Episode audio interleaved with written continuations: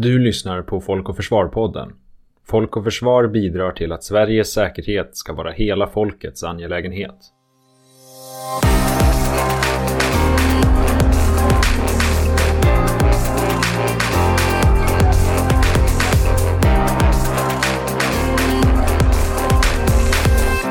Varmt välkommen till det här avsnittet av Folk och Försvar-podden. Jag heter Hanna Wallan Fager och är programansvarig för Folk och Försvars nya programområde Säkerhet och hälsa. Det är ett programområde där vi vill öka kunskap och främja diskussion om hur traditionella säkerhetsfrågor, både på nationell och en internationell nivå, påverkas av och är sammanlänkat med olika globala trender såsom hälsa och pandemier, klimatförändringar, demokrati, ekonomisk säkerhet och desinformation. Kriget i Ukraina och dess fruktansvärda konsekvenser, omvärldens agerande och det försämrade säkerhetsläget i Sverige fyller nu våra nyhetsrapporteringar. Rysslands militära invasion har lett till det allvarligaste säkerhetsläget i Europa sedan andra världskriget. Men medan kriget rasar i Ukraina och miljoner flyr sina hem så hör vi också larm om allvarliga hungerkatastrofer som följd av krig och konflikt, men också ökade matpriser. FNs klimatpanel IPCC kom också nyligen med en ny delrapport om klimatförändringarnas konsekvenser för människan och ekosystemen, där rapporten omnämns som den skarpaste varningen hittills. Och coronapandemin är inte heller förbi, utan utgör fortfarande ett allvarligt hälsohot för oerhört många människor.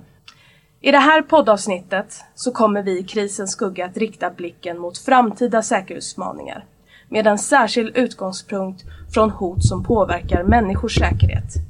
Och för att belysa, men också på ett visst sätt konkretisera vilka säkerhetsutmaningar som faktiskt riskerar att hota människors säkerhet så har vi med oss två gäster här i vår poddstudio i Stockholm.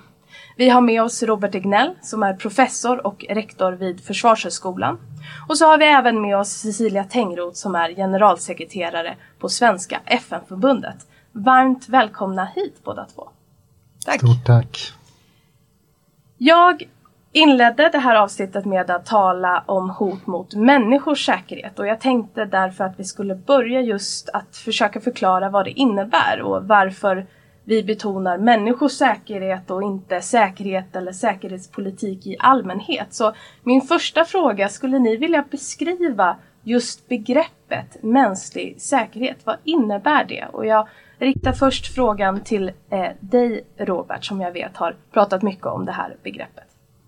Ja, i dess alldeles enklaste form så handlar det om att flytta fokus från staten till individen egentligen. Eh, och på så sätt så är det ju i kontrasten mot traditionell säkerhet som man kan se mänsklig säkerhet. Om, om mänsklig, eller traditionell säkerhet i princip alltid handlar om statens säkerhet från externa militära hot så blir mänsklig säkerhet ett fokus på vad är det egentligen som, som hotar människan i stort och smått. Um, och, och, när man flyttar det fokuset, ja men då, då växer också antalet problemområden. Då är det inte bara krig och konflikter och externa militära styrkor som blir problemet utan väldigt mycket mer. Det var ju UNDP som kom på begreppet 1994 egentligen. Och då delade man in det i sju kategorier där bland annat matsäkerhet, politisk säkerhet, Eh, och så vidare ingick för att, för att liksom belysa ett antal olika perspektiv. När man kategoriserar så blir det alltid problematiskt för då glömmer man något. Så genusperspektiven det hade de missat totalt ursprungligen i mänskliga säkerhetsbegreppet. Men man kan också beskriva det som tre generella områden.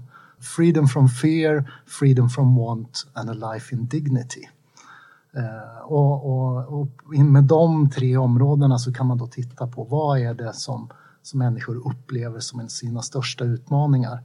Eh, och den där upplevelsen, den är jätteviktig för när man tittar på mänsklig säkerhet, ja då, då belyser man extra mycket att det handlar just om den subjektiva upplevelsen. Det är inte en säkerhetspolitisk analytiker som har bestämt att, att du har ett hotläge mellan 1 och 10 minsann, utan det är dina känslor som är sanningen.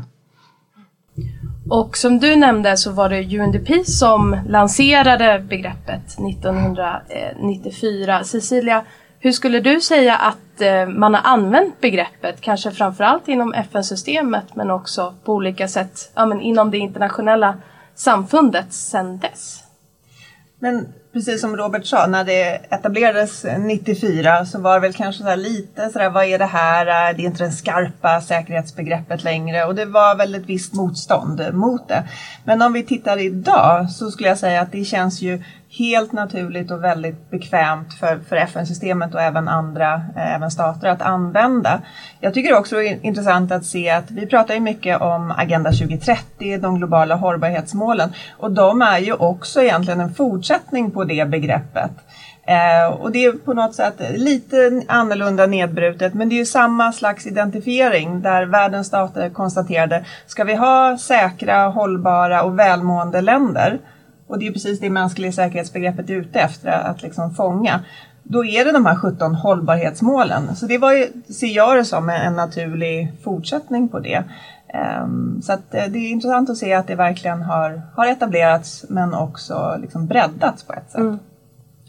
Och idag när begreppet används och har funnits i, i flera decennier Finns det några eventuella motsättningar idag eller som kan uppstå mellan den kanske mer tradi traditionella synen på nationell säkerhet och mänsklig säkerhet utifrån dagens säkerhetsläge? Vad säger du Cecilia? Oh, det där var en väldigt svår och bred fråga. Jag, jag, tänker en eh, motsättning har fel att säga, men där det verkligen ställs på sin spets tycker jag, det är var lägger vi pengarna? Och var gör vi stora investeringar? Och då tycker jag fortfarande man kan se att när man har en instabil tid som nu i Sverige mycket pengar trycks ganska omedelbart in i den traditionella försvarsfamiljen och att man kanske inte då tar och agerar utifrån ett breddat säkerhetsbegrepp utan då faller man tillbaka i ett ganska snävt säkerhetsbegrepp. Och det är en, eh, lite enklare, lite snabbare att vi höjer försvarsanslaget mm. istället för att tänka vilka andra budgetposter måste vi höja för att se till att vi har stabilitet och säkerhet både på kort sikt men även på lång sikt. Robert? Ja, jag håller med Cecilia där att den, den största motsättningen som uppstår det handlar om prioriteringar. Vad, vad ska staten satsa på för att skapa säkerhet för medborgarna.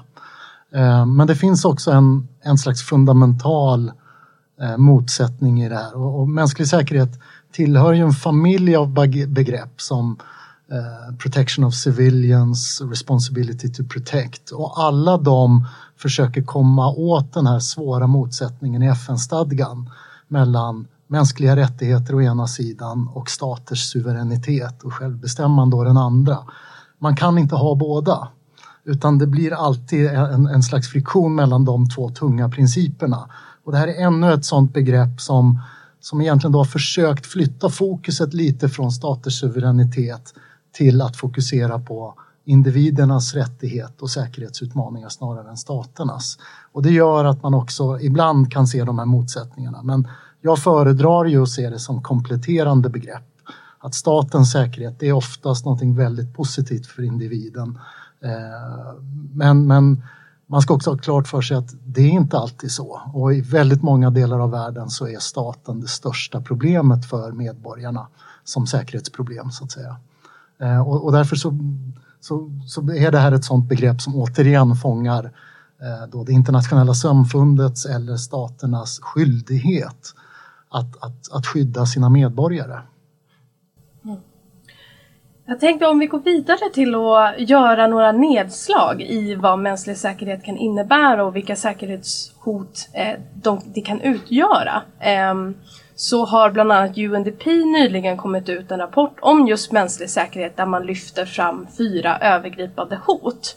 Ehm, de pekar på ojämlikhet, digitala teknologier, hälsohot och väpnade konflikter. Utifrån de exemplen som UNDP tar upp, skulle ni vilja lyfta fram några konkreta exempel utifrån dagens säkerhetspolitiska kontext så att våra lyssnare kan få en bild över vad hoten, hur hoten kan se ut i praktiken? Ja, men i den, den här tiden så tycker jag att det är lika bra att kasta sig rakt in i Rysslands invasion av Ukraina som ju är liksom, vid första anblick då ett, ett fruktansvärt traditionellt säkerhetshot för Ukraina och det ukrainska folket. Men det är så himla mycket mer.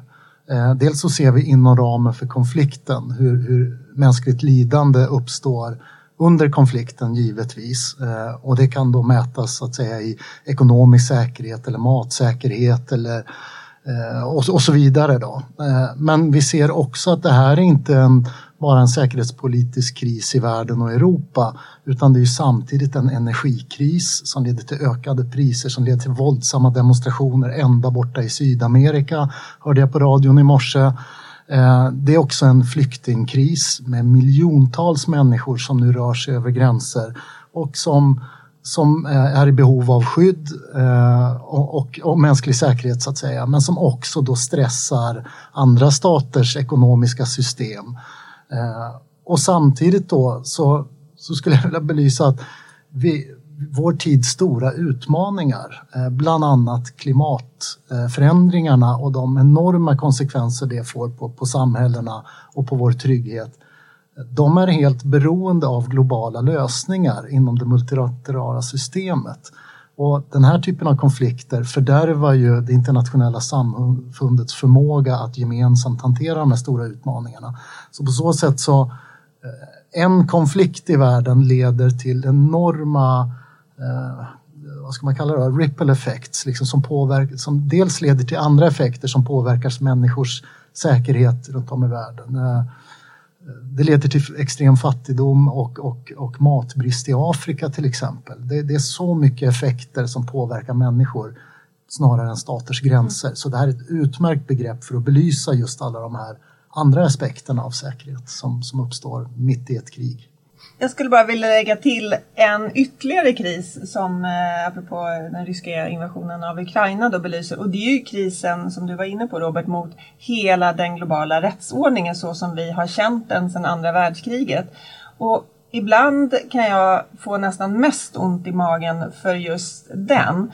För det vi ser nu det är ju att Rysslands agerande eh, och andra staters utmanar ju själva fundamentet i en världsordning som är byggd på respekt för FN-stadgan. Vi har ett säkerhetsråd som har den yttersta kontrollen över internationell fred och säkerhet. Vi har globala avtal från mänskliga rättigheter, krigets lagar, vi har sanktions och efterlevnadsmekanismer. Och det vi ser nu, det är att väldigt många av dem inte kan agera eller de funkar inte i den här kontexten. Och här kan jag känna att vi står lite också inför ett vägval som internationellt samfund. Ska vi fortsätta tro på vikten av multilateralt samarbete, på ett internationellt samfund där faktiskt lösningarna måste komma ifrån? Eller har vi börjat liksom öppna den här stängda dörren där det inte är en regelbaserad världsordning utan det är den starkes rätt på något sätt. Så som det har varit under stor del av människans eh, historia. Och det känns enormt osäkert för det kommer få sådana enorma konsekvenser för exakt allt vi tar för givet idag. Hur vi, eh, hur vi lever, vad är säkerhet, eh, vad, ja, grundläggande hur världen funkar. Och det har ju också den här krisen belyst. Mm. Och jag det, det kopplar an till min eh, nästa fråga som just berör kriget i Ukraina. Och vi ska prata om många andra säkerhetsutmaningar också i det här avsnittet. Men jag vill ändå beröra det vi har sett de senaste dagarna. Anklagelser om omfattande krigsbrott från Ryssland och att utredningar redan pågår. Och jag vill bara höra just era tankar kring eventuella svårigheter att få till ett avtal under ett pågående krig, om det ens är möjligt. Men också vilka internationella domstolar man faktiskt talar om i fall om folkmord och, och brott mot mänskligheten. Vill du börja Cecilia? Ja, men det finns ju etablerat ett antal olika straff och rättsliga mekanismer för att hantera olika typer av brott mot folkrätten och särskilt mot krigets lagar så finns det ju eh, tydliga mekanismer. Ehm, och det ska vi också komma ihåg. Nu pratar vi väldigt mycket om Ukraina-krisen men det pågår ungefär drygt 40 andra konflikter just nu. Eh, och det kan man säga, i teorin så finns det en domstol som heter ICJ, International Court of Justice. Den dömer staters agerande. Den finns i, i Haag. Det är en FN-domstolen kallas den också. Så den kan inte döma enskilda individers eventuella brott, men den kan agera om stater bryter mot sina folkrättsliga förpliktelser. Och den domstolen tittar ju nu på hur Ryssland har använt begreppet eh, folkmord. Eh, sen har vi då det som heter ICC, Internationella brottmålsdomstolen. Den finns också i Haag. Den etablerades ju för ungefär 20 år sedan eh, och den kan ju döma individer. Den har en egen stadga. Eh, en utmaning med den det är att det är bara de länderna som har skrivit under den här stadgan som eh, domstolen har jurisdiktion över. Med mindre än att säkerhetsrådet kan ta en konflikt eller en individ och säga ni ska ställas inför rätta här. Och då har vi grundproblemet att eh, ska säkerhetsrådet ta det beslutet så kan ju inte något av de permanenta länderna lägga sitt veto. Till det här eh, så finns det ju också andra domstolar. Eh, det är de här ad hoc-domstolarna som vi känner till. Eh, om vi tittar tillbaka till krigen på Balkan mm. på 90-talet så etablerades i Jugoslavien eh, tribunalen. Eh, vi hade Rwanda-tribunalen de etablerades ad hoc, alltså tillfälligt, för att också säkerhetsrådet bedömde den här situationen måste vi lagföra. Man kan inte ha straffrihet runt det här. Så den möjligheten finns ju också att man etablerar en tillfällig domstol som hanterar just det här. Det finns utmaningar med det, eh, retroaktivitet i lagstiftning och hur kommer man åt dem som har begått det. Sen den, eh, det fjärde jag vill nämna det är ju också de, alla de nationella domstolarna som finns runt om i världen och de ska vi inte underskatta. Här i Sverige så har vi ett antal åtal och även fällande domar mot brott begångna i Syrien. Så att de här är ett ganska starkt komplement till de internationella domstolarna. Mm. En kom kompletterande fråga där om det sker en ad hoc eh, domstol utifrån en särskild konflikt. Vem är det som tar det beslutet då att den, den upprättas? Det finns ju olika sätt. Det enklaste och starkaste är ju om säkerhetsrådet mm. etablerar det. Men det är klart att det går att inrätta en sån av andra aktörer. Frågan är ju hur får man de som har begått krigsförbrytelserna utlämnade? Vad finns det för immunitet till exempel för de som är allra högst upp? Eh, och Eh, och så. Men, men någonting som man kan se är positivt i det här, det är att jag tror inte väl många av oss trodde att Milosevic, för de krigsförbrytelserna som skedde på 90-talet, att han någonsin skulle ställas in för rätta. Han var ju på något sätt höjd över eh, det, men han fick sin dag i domstolen, han blev dömd. Och det får vi på något sätt inte glömma i den här ganska mörka tiden, att rättvisan kommer förr eller senare ikapp de som har begått de grövsta brotten. Mm. Robert, vill du lägga till något? Ja, men det där var så bra sammanfattat. Jag, jag har bara noterat att eh, senaste veckan så är det ganska mycket prat om det här brittiska initiativet kring med en, en Nürnberg-liknande tribunal då så att säga som, som ska upprättas för det här. Och det är väl just för att komma åt de största fiskarna som, som annars kan vara svårt för, för den, de, de existerande eh, domstolarna så att säga.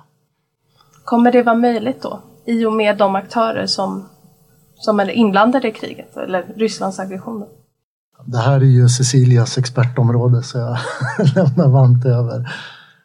Nej, men det är klart att det inte känns som att jag snart sitter Putin i en domstol. Det tror väl ingen. Men det som jag tror fler kanske tror det är att hans rörelsefrihet kommer nog bli ganska kringskuren. För just de här, jag, jag är nog mest hoppfull på de nationella domstolarnas förmåga att agera här. Eh, och det är klart att jag, flera dom, eller länder kommer nog lägga ut eh, häktningsbeslut. Mm. Att om den här individen kommer till det här landet så finns det en arresteringsorder. Eh, det kommer att göra att ett antal personer eh, i toppen kommer ha en väldigt begränsad rörelsefrihet och det kommer bli kännbart för dem på ett annat sätt. Mm. Du nämnde Cecilia att vi, samtidigt som vi ser eh, kriget i Ukraina så pågår det ett 40-tal andra konflikter runt om i världen. Hur skulle ni säga, hur påverkar det svensk säkerhet både på kort men också lång eh, sikt? Alltså hur kan olika krig runt om i världen påverka även svensk säkerhet? Ja, det, det är ju på olika sätt. Eh, ett sätt är ju som Cecilia var inne på att alla brott mot den internationella rättsordningen påverkar oss. Vi är en liten stat som är helt beroende av det internationella systemet för att ha en stark röst. Eh, för är det bara den starkes makt som gäller, ja då är det tufft för ett litet land som Sverige. Men inom ramen för FN-systemet, inom EU och så vidare, så har vi en möjlighet att så att säga spela in hög, en, en tyngre viktklass än vi normalt skulle göra. Eh, så på så sätt så påverkar det. Men sen är det ju också så att eh, nu kommer jag inte ihåg de allra senaste siffrorna om det är 70 eller 80 miljoner människor på flykt runt om i världen.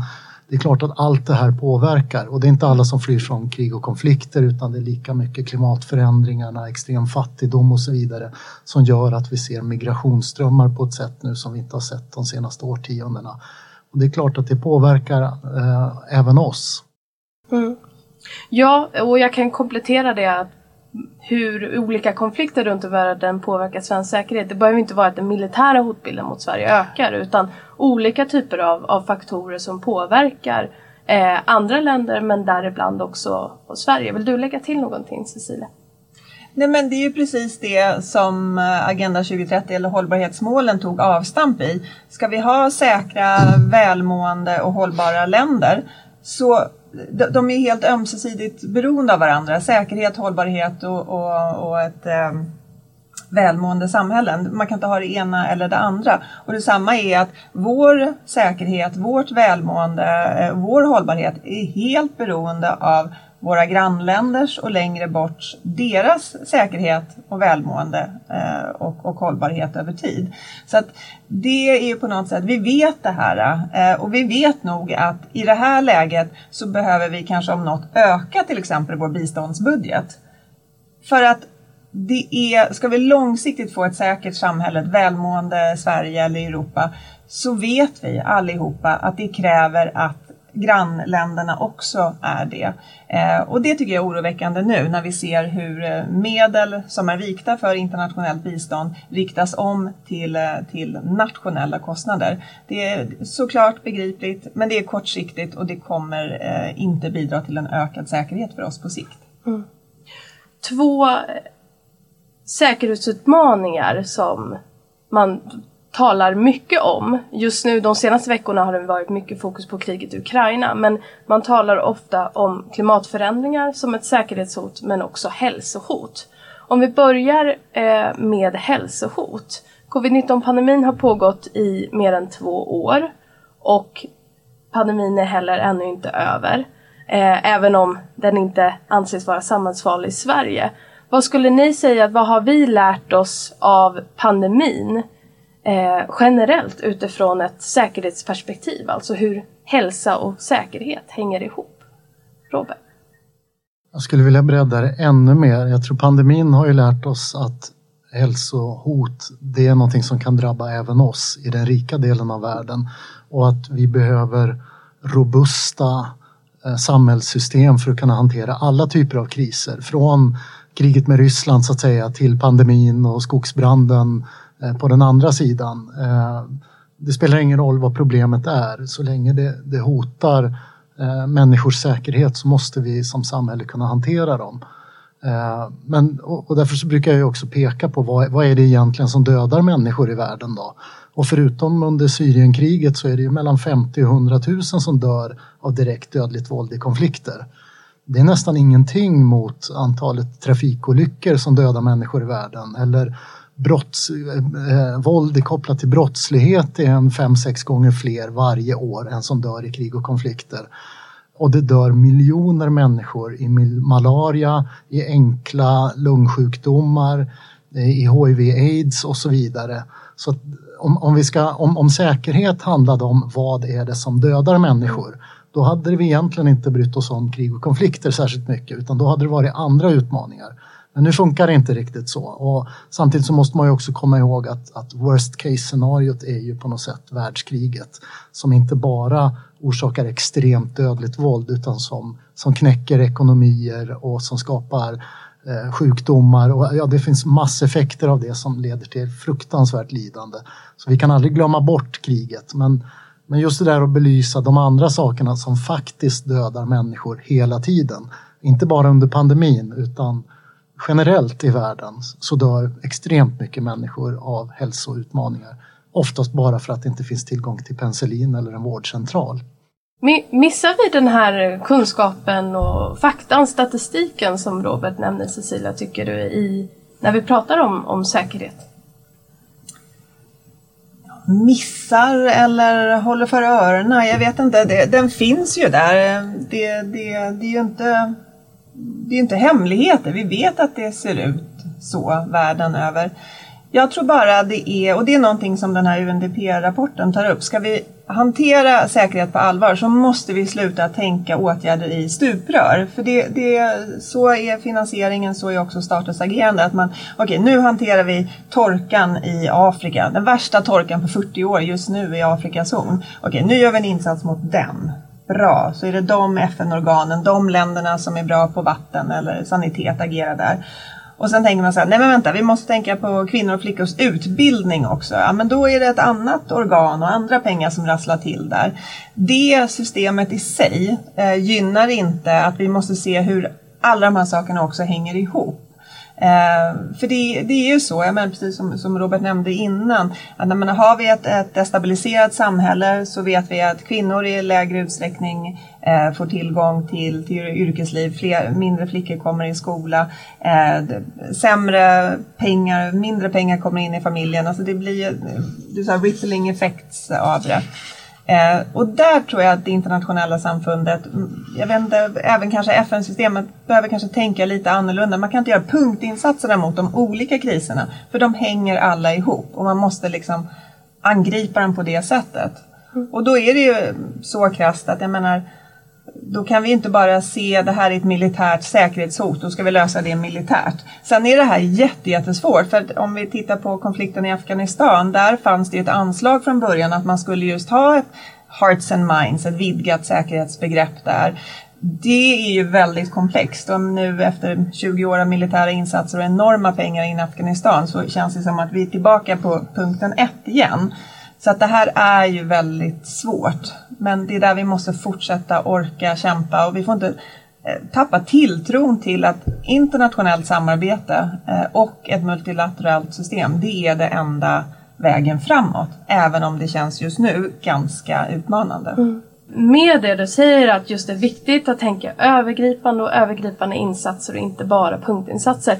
Hur skulle du säga att Sverige arbetar just på en internationell nivå med sådana typer av insatser och även hur man i framtiden vill, eh, vill bemöta eh, framtida kriser. Jag tror Robert kan de bitarna bättre, men det jag kan säga att som jag tycker är unikt och enormt värdefullt med Sverige, det är det sättet vi också ser på bistånd, att vi har en stark tillit till kärnstöd som metod för att stärka det internationella systemet. För att vi vet ju att kriser är ju inte planerande Eh, menar, de dyker upp och då måste det finnas pengar och kapacitet i det internationella systemet att agera på dem. Och då är just kärnstöd som det heter, då, alltså icke öronmärkta pengar till FN-systemet eller in till andra organ otroligt viktiga. Och där tror jag det är viktigt att Sverige orkar hålla i det och våga stå för det och inte börja säga vi ger 200 miljoner till kvinnorna i Jemen. Vi ger 50 miljoner till eh, läxhjälp i Sydsudan. Utan här, gör pengarna bra. För då kan man också, FN kan ju också reglera det här stuprörstänket och lägga pengarna där de behövs på det sättet de behövs. Mm. Robert? Ja, men jag hakar på där, för på något sätt det vi också lär oss nu i Ukraina det är ju att de här auktoritära samhällena eh, med bristande demokratiska strukturer och patriarkala värdesystem, de är livsfarliga. Eh, och de är oberäkneliga i, i det internationella systemet och därför så är det här breda perspektivet, demokratistödet, stöd för jämlikhetsprocesser, eh, Eh, men också att, att försöka hantera orättvisorna i världen som, som UNDP är inne på i sin rapport om, om mänsklig säkerhet. Det är helt nödvändigt för att skapa hållbara och fredliga samhällen. Eh, och missar vi det där och, och börjar tänka maktbalans och allierade och att fiendens fiende är min vän, eh, då tror jag vi, vi, vi gör bort oss så att säga. För nu, nu har vi fått svart på vitt hur, hur farligt det blir när, när de här auktoritära ledarna börjar bete sig. Mm. Några dagar efter att eh, Ryssland inledde sin militära invasion av Ukraina så kom IPCC ut med sin nya delrapport, bland annat om klimatförändringarnas konsekvenser för människan och ekosystemen. Och som jag nämnde inledningsvis så var det ju den skarpaste varningen hittills, eller bedöms vara det, just hur klimatförändringarna påverkar människor, bland annat i form av extremväder som kommer öka i frekvens och intensitet. Utifrån den rapporten och även framåt, hur tror ni att diskussionen om just klimatförändringarnas koppling till säkerhet och olika risker kommer att utvecklas de närmaste åren? Ja, jag kan börja. Jag, jag, jag, är lite bister i det här, för det verkar som att det är inte förrän folk verkligen dör som man tar det här på allvar. Eh, det är på något sätt hela tiden för långsiktiga politiska problem för att ta tag i på allvar. Eh, och, och, därför så tyvärr väntar väl jag på det här tillfället när det, här, när det blir så uppenbart att klimatet eh, är på väg att så att säga, omstörta våra samhällen eller leda till massdöd på ett sätt som vi inte har sett tidigare. Då kommer vi agera stentufft och ta tag i det problemet. Men jag, jag känner mer och mer att, att uh, hoppet mm. att vi i tid ska möta de här utmaningarna innan det får de här fruktansvärda konsekvenserna. Jag, jag blir allt mer negativ, tyvärr. Tror du även, alltså en följdfråga på det, tror du även att man pratar mycket om klimatanpassning nu. Klimatförändringarna påverkar redan våra, eh, våra samhällen och vi måste anpassa för att möta exempelvis extremväder. Tror du även att sådana typer av ekonomiska, stora inv ekonomiska investeringar som behövs för att anpassa och förbereda sig. Eh, tror du även det kommer dröja fram tills den här största effekten Ja, men där, där är jag kanske lite mer hoppfull. Jag tror mer på marknaden än på politiken när det kommer till klimatanpassning. Eh, och till oss människor så att säga, för vi kan tänka lite långsiktigare. Och återigen, om jag, om jag får gå tillbaks till den här UNDP-rapporten så, så noterar ju de att trots att vi aldrig har varit friskare, eh, rikare och levt i, i, i, större fredlighet så att säga, så upplever vi större eh, mänsklig osäkerhet än någonsin. Sex av sju människor på jorden upplever att, att uh, stor osäkerhet kopplat till deras egna. Och, och då, då, måste man ju fundera över vad, vad beror det på? Så att säga. Mm. När, när, vi tycker, när vi egentligen har det bättre och när vi har trott att utveckling ekonomiskt och politiskt, det leder alltid till mänsklig säkerhet. Det gör det helt plötsligt inte. Och då tror jag att det, det handlar väldigt mycket om klimatförändringar. Vi kan se som individer de här stora hoten och molnen som eh, verkligen växer ovanför oss. Eh, och samtidigt så märker vi att det hanteras inte på det sättet man förväntar sig. Där, där tror jag en del av, av svaret ligger. Men där tror jag också att, att, marknaden är lite mer snabbfotade för de känner av marknadskrafterna och kommer nog att börja anpassa på ett sätt som kanske stater inte kan via reglering i det här läget för man vinner inte val på det än. Mm. Cecilia? Nej, men jag är nog eh, också ganska dyster som Robert säger. Det, och det har man ju också empiriskt bevis för om vi tittar bakåt i vår mänskliga historia. Människan verkar vara enormt dålig på att trots att man ser det här kommer ske så agerar man inte förrän det verkligen är, det brinner i ens hus. Och då är ju människan och stater enormt snabba, proffsiga och då sker det saker. Det som är då extra oroväckande i, eh, när det gäller klimatkrisen det är att de, de, de största och de, de första konsekvenserna av klimatkrisen kommer ju inte drabba det välmående rika västvärlden. Det kommer ju drabba de som redan idag lever i mest utsatthet. Och det kommer ju göra att, i den här konflikten att det kommer gå nog ganska långt innan eh, vi här i, i västvärlden vaknar upp och tar de, till de skarpa verktyg som krävs. Eh, och det kommer nog ha varit stort mänskligt lidande innan vi kommer till den punkten. Men det enda som är hoppfullt det är väl att jag hoppas, Robert, du och jag är ungefär i 50-årsåldern. Eh, den unga generationen, de måste vara så trötta på att höra att vi, vi hoppas på dem, men det är ett annat ljud i den skällan. Ja. Eh, och där kan jag känna, det är en väldigt spännande generation som går till val nu i höst det ska bli enormt spännande att se hur de röstar. Vilka frågor har de drivit? Hur kommer de politiskt engagera sig? Det har ju också varit en sån sak man pratar om i oro att det är ingen som vill vara politiskt engagerad. Man liksom tror nästan inte på politiken längre. Här kan det vara, man ser spännande trender på att det sker en annan typ av utveckling där. Och det kan ju vara det som faktiskt eh, får lite nytt att hända. För det är deras värld. Eh, och så. Jag tror att de har en annan, eh, också annan känsla av solidaritet. För det tycker jag var intressant i den här eh, UNDP-rapporten. Mm. Och det var en av första gången, tycker jag, i FN-sammanhang man pratar om solidaritet på ett sånt här mm. skarpt sätt. För det kommer vi ihåg när 2015 när hållbarhetsmålen var uppe på bordet. Då var ju frågan om solidaritet, måste vi inte någon gång börja prata om en rättvis fördelning av resurser också? Det gick inte 2015, det, det fanns inte på bordet. Men här pekar den här rapporten på att det är också en starkare global solidaritet som krävs för att lösa det här det, det, är en spännande positiv utveckling och det är också någonting jag tror en yngre generation kommer haka på och inte se som kanske lika politiserad som, som vår generation ser på det. Mm. När man talar om klimatförändringar pratar man också om möjliga konsekvenser, vattenförsörjning men också matförsörjning. Och just matförsörjning är en fråga som har kommit upp i och med kriget i Ukraina men också eh, energiförsörjning med bränslepriser och som Eh, vi ser mycket runt om i nyheterna och framförallt livsmedel, larmrapporter om hur ökade livsmedelspriser har lett till hungerkatastrofer, bland annat i redan konfliktdrabbade länder i Östafrika men också Afghanistan och Jemen. Jag tänkte om vi stannar just kopplat till livsmedel och eh, livsmedelssäkerhet.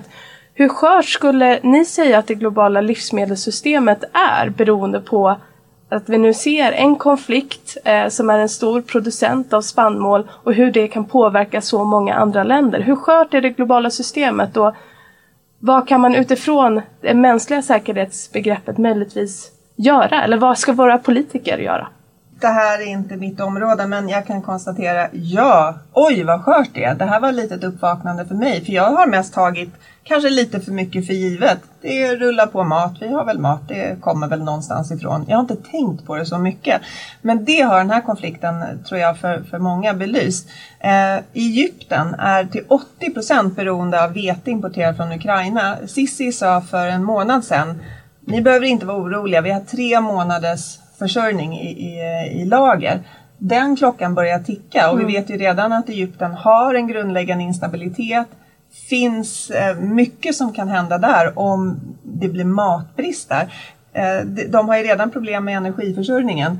Det kan ju verkligen, jag menar på det, det vi pratade om förut, kopplingen mellan de olika eh, insecurities som mm. finns, enormt oroväckande. Mm. Robert? Ja, mm, jag måste också erkänna att nu, nu börjar vi vara farligt ute i mina inkompetensområden. men, men det är ju så himla intressant för att i grunden så tänker vi att nu, nu befinner vi oss i en globaliserad marknad. Varor, människor rör sig fritt över hela jorden. Det är klart att vi kan hantera eh, obalanser i systemet. Så ja, men är, det, är det en konflikt i Ukraina, det är klart att då, då parerar vi det med hjälp av det här globala handelssystemet och så vidare. Men så funkar det inte. Och man ser också hur, hur oerhört viktiga vissa så att säga, nyckelbiotoper eller vad man ska kalla dem är, så att säga, som inte får drabbas. Och nu var det då den stora kornboden för hela världen som, som hamnade i en konflikt och då drabbas också hela världen och det finns inte då system egentligen för att backa upp det. Eh, och det här är ju också en sån grej som eh, enskilda länder inte kan hantera på egen hand. För det, det går inte att täcka upp den här svarta jordens bördighet i Ukraina i olika delar av Afrika. Den, den, de systemen finns inte. Utan då, då, krävs det i så fall globala lösningar för att hantera de här obalanserna som uppstår då när krig och konflikter eller extremväder eller klimatkatastrofer slår till. Som kommer vara nästa utmaning så att säga. Mm. Ehm, så att, ja, samtidigt så och man, kan väl känna då att när, när, vi har de här jättestora gemensamma globala utmaningarna som klimatförändringarna eller globala pandemier och så vidare, då har vi äntligen något stort gemensamt att samarbeta kring. Det, det borde ju, någonstans borde vi, om vi inte har fattat att vi ska samarbeta innan så nu för 17 måste vi göra det. Men det som var så läskigt i början på pandemin var ju att då visade nationalstaten sitt allra fulaste tryne direkt.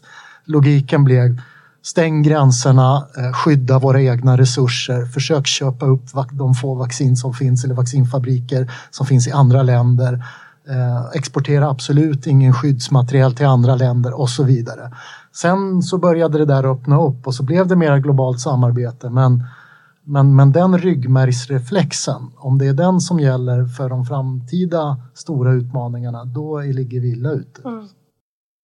Och just det, nu, nu var det en ganska dyster bild just kopplat till det internationella samarbetet, just där vi såg under de första månaderna med pandemin. Men om vi nu när vi kanske ska börja avrunda det här poddavsnittet så vill jag ändå blicka framåt också på möjliga lösningar och hur ni ser att framtiden för kanske det framförallt det internationella samarbetet kommer se ut. För att det finns ju som sagt låsningar och det har vi också sett nu med kriget i Ukraina. Låsningar mellan olika länder och för FN-systemet, framförallt kanske för säkerhetsrådet också. Men utifrån de här långsiktiga säkerhetsutmaningar som vi har diskuterat idag. Hur tror ni att det internationella samarbetet kommer att se ut framöver för att kunna möjliggöra ändå en början på en lösning eller att förebygga och skapa bättre beredskap? Cecilia? Jag nämnde inledningsvis där att jag tror att vi står i ett vägskäl. Hur vi ser på internationellt samarbete eller ej. Tror vi fortfarande på det som egentligen FN-stadgan uttrycker? Fredlig lösning, staters suveränitet, gemensamt arbete för att garantera grundläggande mänskliga rättigheter. För vi vet att det är så vi har en fredlig hållbar värld. Tror vi fortfarande på det? Det var ju den hårda, hårda läxan vi lärde oss efter andra världskriget. Det, det krävdes, eh, apropå vad det är som krävs för att man ska liksom komma på nya initiativ. Det krävdes ett världskrig för att staterna faktiskt skulle säga okej, okay, vi, vi tycker olika men vi väljer att samarbeta. För freden och säkerhet, det är så otroligt viktigt för oss och för alla våra eh, ja, alla människor på hela jorden. Den är ju lite i luften nu och jag är både oroad och såklart liksom nyfiken på hur kommer stater agera nu? Ser vi mer nationalistiska och protektionistiska och eh, att vi slutar ha tillit till att det är det internationella systemet som trots sina brister är den enda lösningen framåt? Eller kommer man börja backa till mer bilaterala eller regionala lösningar för de här utmaningarna? Eh, och då hoppas jag verkligen att vi eh, håller i det första spåret. För spår två, det har mänskligheten provat och det visar sig inte håller i längden. Det blir blodigt och det blir sorgligt för de flesta inblandade. Robert? Ja, men jag, jag tror att det, det, finns ändå ett visst hopp. Eh, dels så är det de här enorma globala gemensamma utmaningarna vi står inför. De kommer göra sig mer och mer påminda. Eh, det internationella systemet det är ju uppbyggt kring stater och staters suveränitet och det var de som gemensamt skulle samarbeta för att hantera utmaningen efter andra världskriget. Kanske att vi får modifiera det där lite grann. Jag, jag tror väldigt mycket på, på människan då och därför är det här mänskliga säkerhetsperspektivet så bra för det är också det belyser att det handlar inte bara om att skydda människor. Man måste också ge människor makt att hantera sina egna situationer. Och det senaste som kommit in här, det är ju det här solidaritetsbegreppet. Och när, när civilsamhället, det globala civilsamhället med kraft och med empati och solidaritet eh, står upp för att hantera de gemensamma utmaningarna, då kommer, då kommer politiker, oavsett om de är på kommunal, statlig eller internationell nivå så att säga, då kommer de att lyssna. Så därför tror jag verkligen på, som Cecilia var inne på, på, på, på ungdomarna. Det är så att säga Fridays for Future som kommer hantera klimatutmaningarna, inte de internationella klimatkonferenserna tror jag. För att där, där finns det riktiga politiska trycket i, i nästa generation. Eh, men, men då måste vi också ha det här mänskliga säkerhetsperspektivet. För det, det, är också genom att titta på de faktorerna som vi tidigt ser utmaningarna växa fram. Det är väl någonting som vi har sett i konfliktanalyser när vi tittar på mänsklig säkerhet. Att om vi håller de faktorerna vid liv då ser vi faktiskt att ja, men då kan vi förklara varför arabiska våren kom. Det kunde inte säkerhetspolitiska analytiker som tittar på traditionella instrument. Eh, och därför så är det jätteviktigt att ha kvar det här analysinstrumentet för mig som akademiker då, men också det politiska instrumentet eh, som belyser vikten av individuella nivån och, och, kraften i den mänskliga solidariteten så att säga då, mm. framåt. Eh, så jag vill verkligen slå ett slag för, för begreppet mänsklig säkerhet, hur utskällt det än må vara i vissa kretsar. Så att säga. Utifrån det mänskliga säkerhetsbegreppet så tänkte jag att vi skulle lämna våra lyssnare med just kanske som konkreta takeaways på just säkerhetsutmaningar som är viktiga och inte glömma bort när vi kanske framförallt då i medierapporteringen fokuserar framförallt på de kortsiktiga, kortsiktiga säkerhetshoten. Om ni får välja ett exempel, vad skulle det vara just utifrån det mänskliga säkerhetsperspektivet som ni tycker det här är en fråga som vi inte får missa när vi pratar om människors säkerhet? Det finns väldigt många frågor, men om ni får välja en fråga.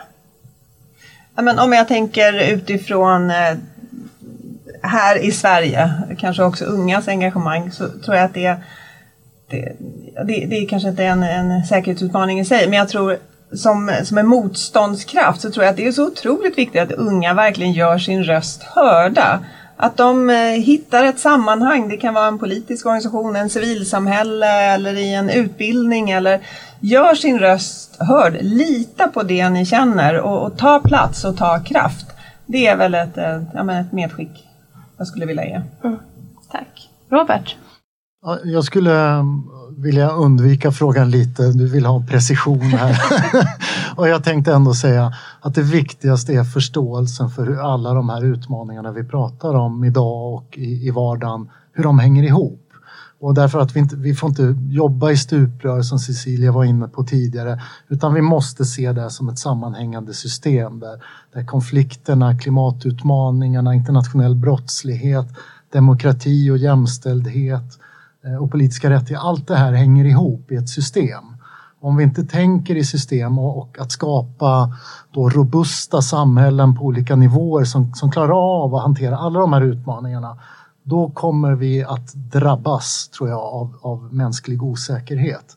Så därför så, jag, jag håller med dig enormt mycket i det du sa, att, att den här samhällets robusthet, det är alldeles för stort för myndigheter att, att ta hand om det måste vara upp till alla vi medborgare i civilsamhället att gemensamt stå upp eh, för vår säkerhets skull oavsett vad det är för utmaningar och bidra i olika organisationer eller som individer när det värsta inträffar. Eh, det, det, och det är också, på så sätt är det ju på något sätt det här begreppet försvarsvilja som vi har så mycket idag. Det, det rymmer för mig betydligt mer. Det, det innebär en vilja att bidra för samhällets bästa. Återigen solidaritetsbegreppet.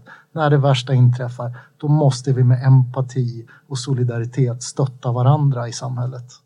Jag skulle bara bygga på en sak på det, för du gav de här exemplen förut om eh, vid pandemin att man började då bunkra vaccin och så och att man betedde sig själviskt. Forskning visar att människor som lever i till exempel konfliktsituationer eller flyktingläger, en av de bästa faktorerna som skapar motståndskraft och gör att man mår kanske lite bättre, det är de som har en tillit till varandra. Eh, de som är generösa, man delar på den eh, tepåsen man har eller den matranson man har. De som skapar, har tillit och skapar nätverk där det finns tillit, det är de som klarar kriser allra bäst.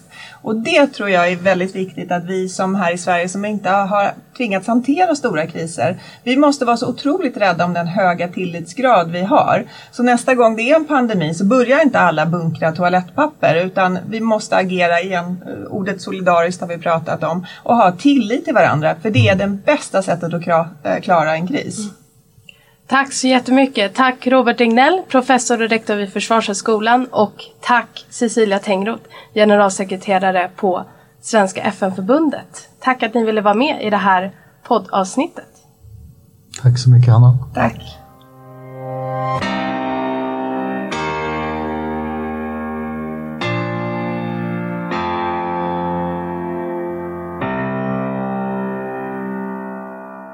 Du har lyssnat på Folk och Försvar-podden. Podden är skapad av Hanna Wärland Fager. För att ta del av mer av vår verksamhet, besök vår hemsida www.folkochforsvar.se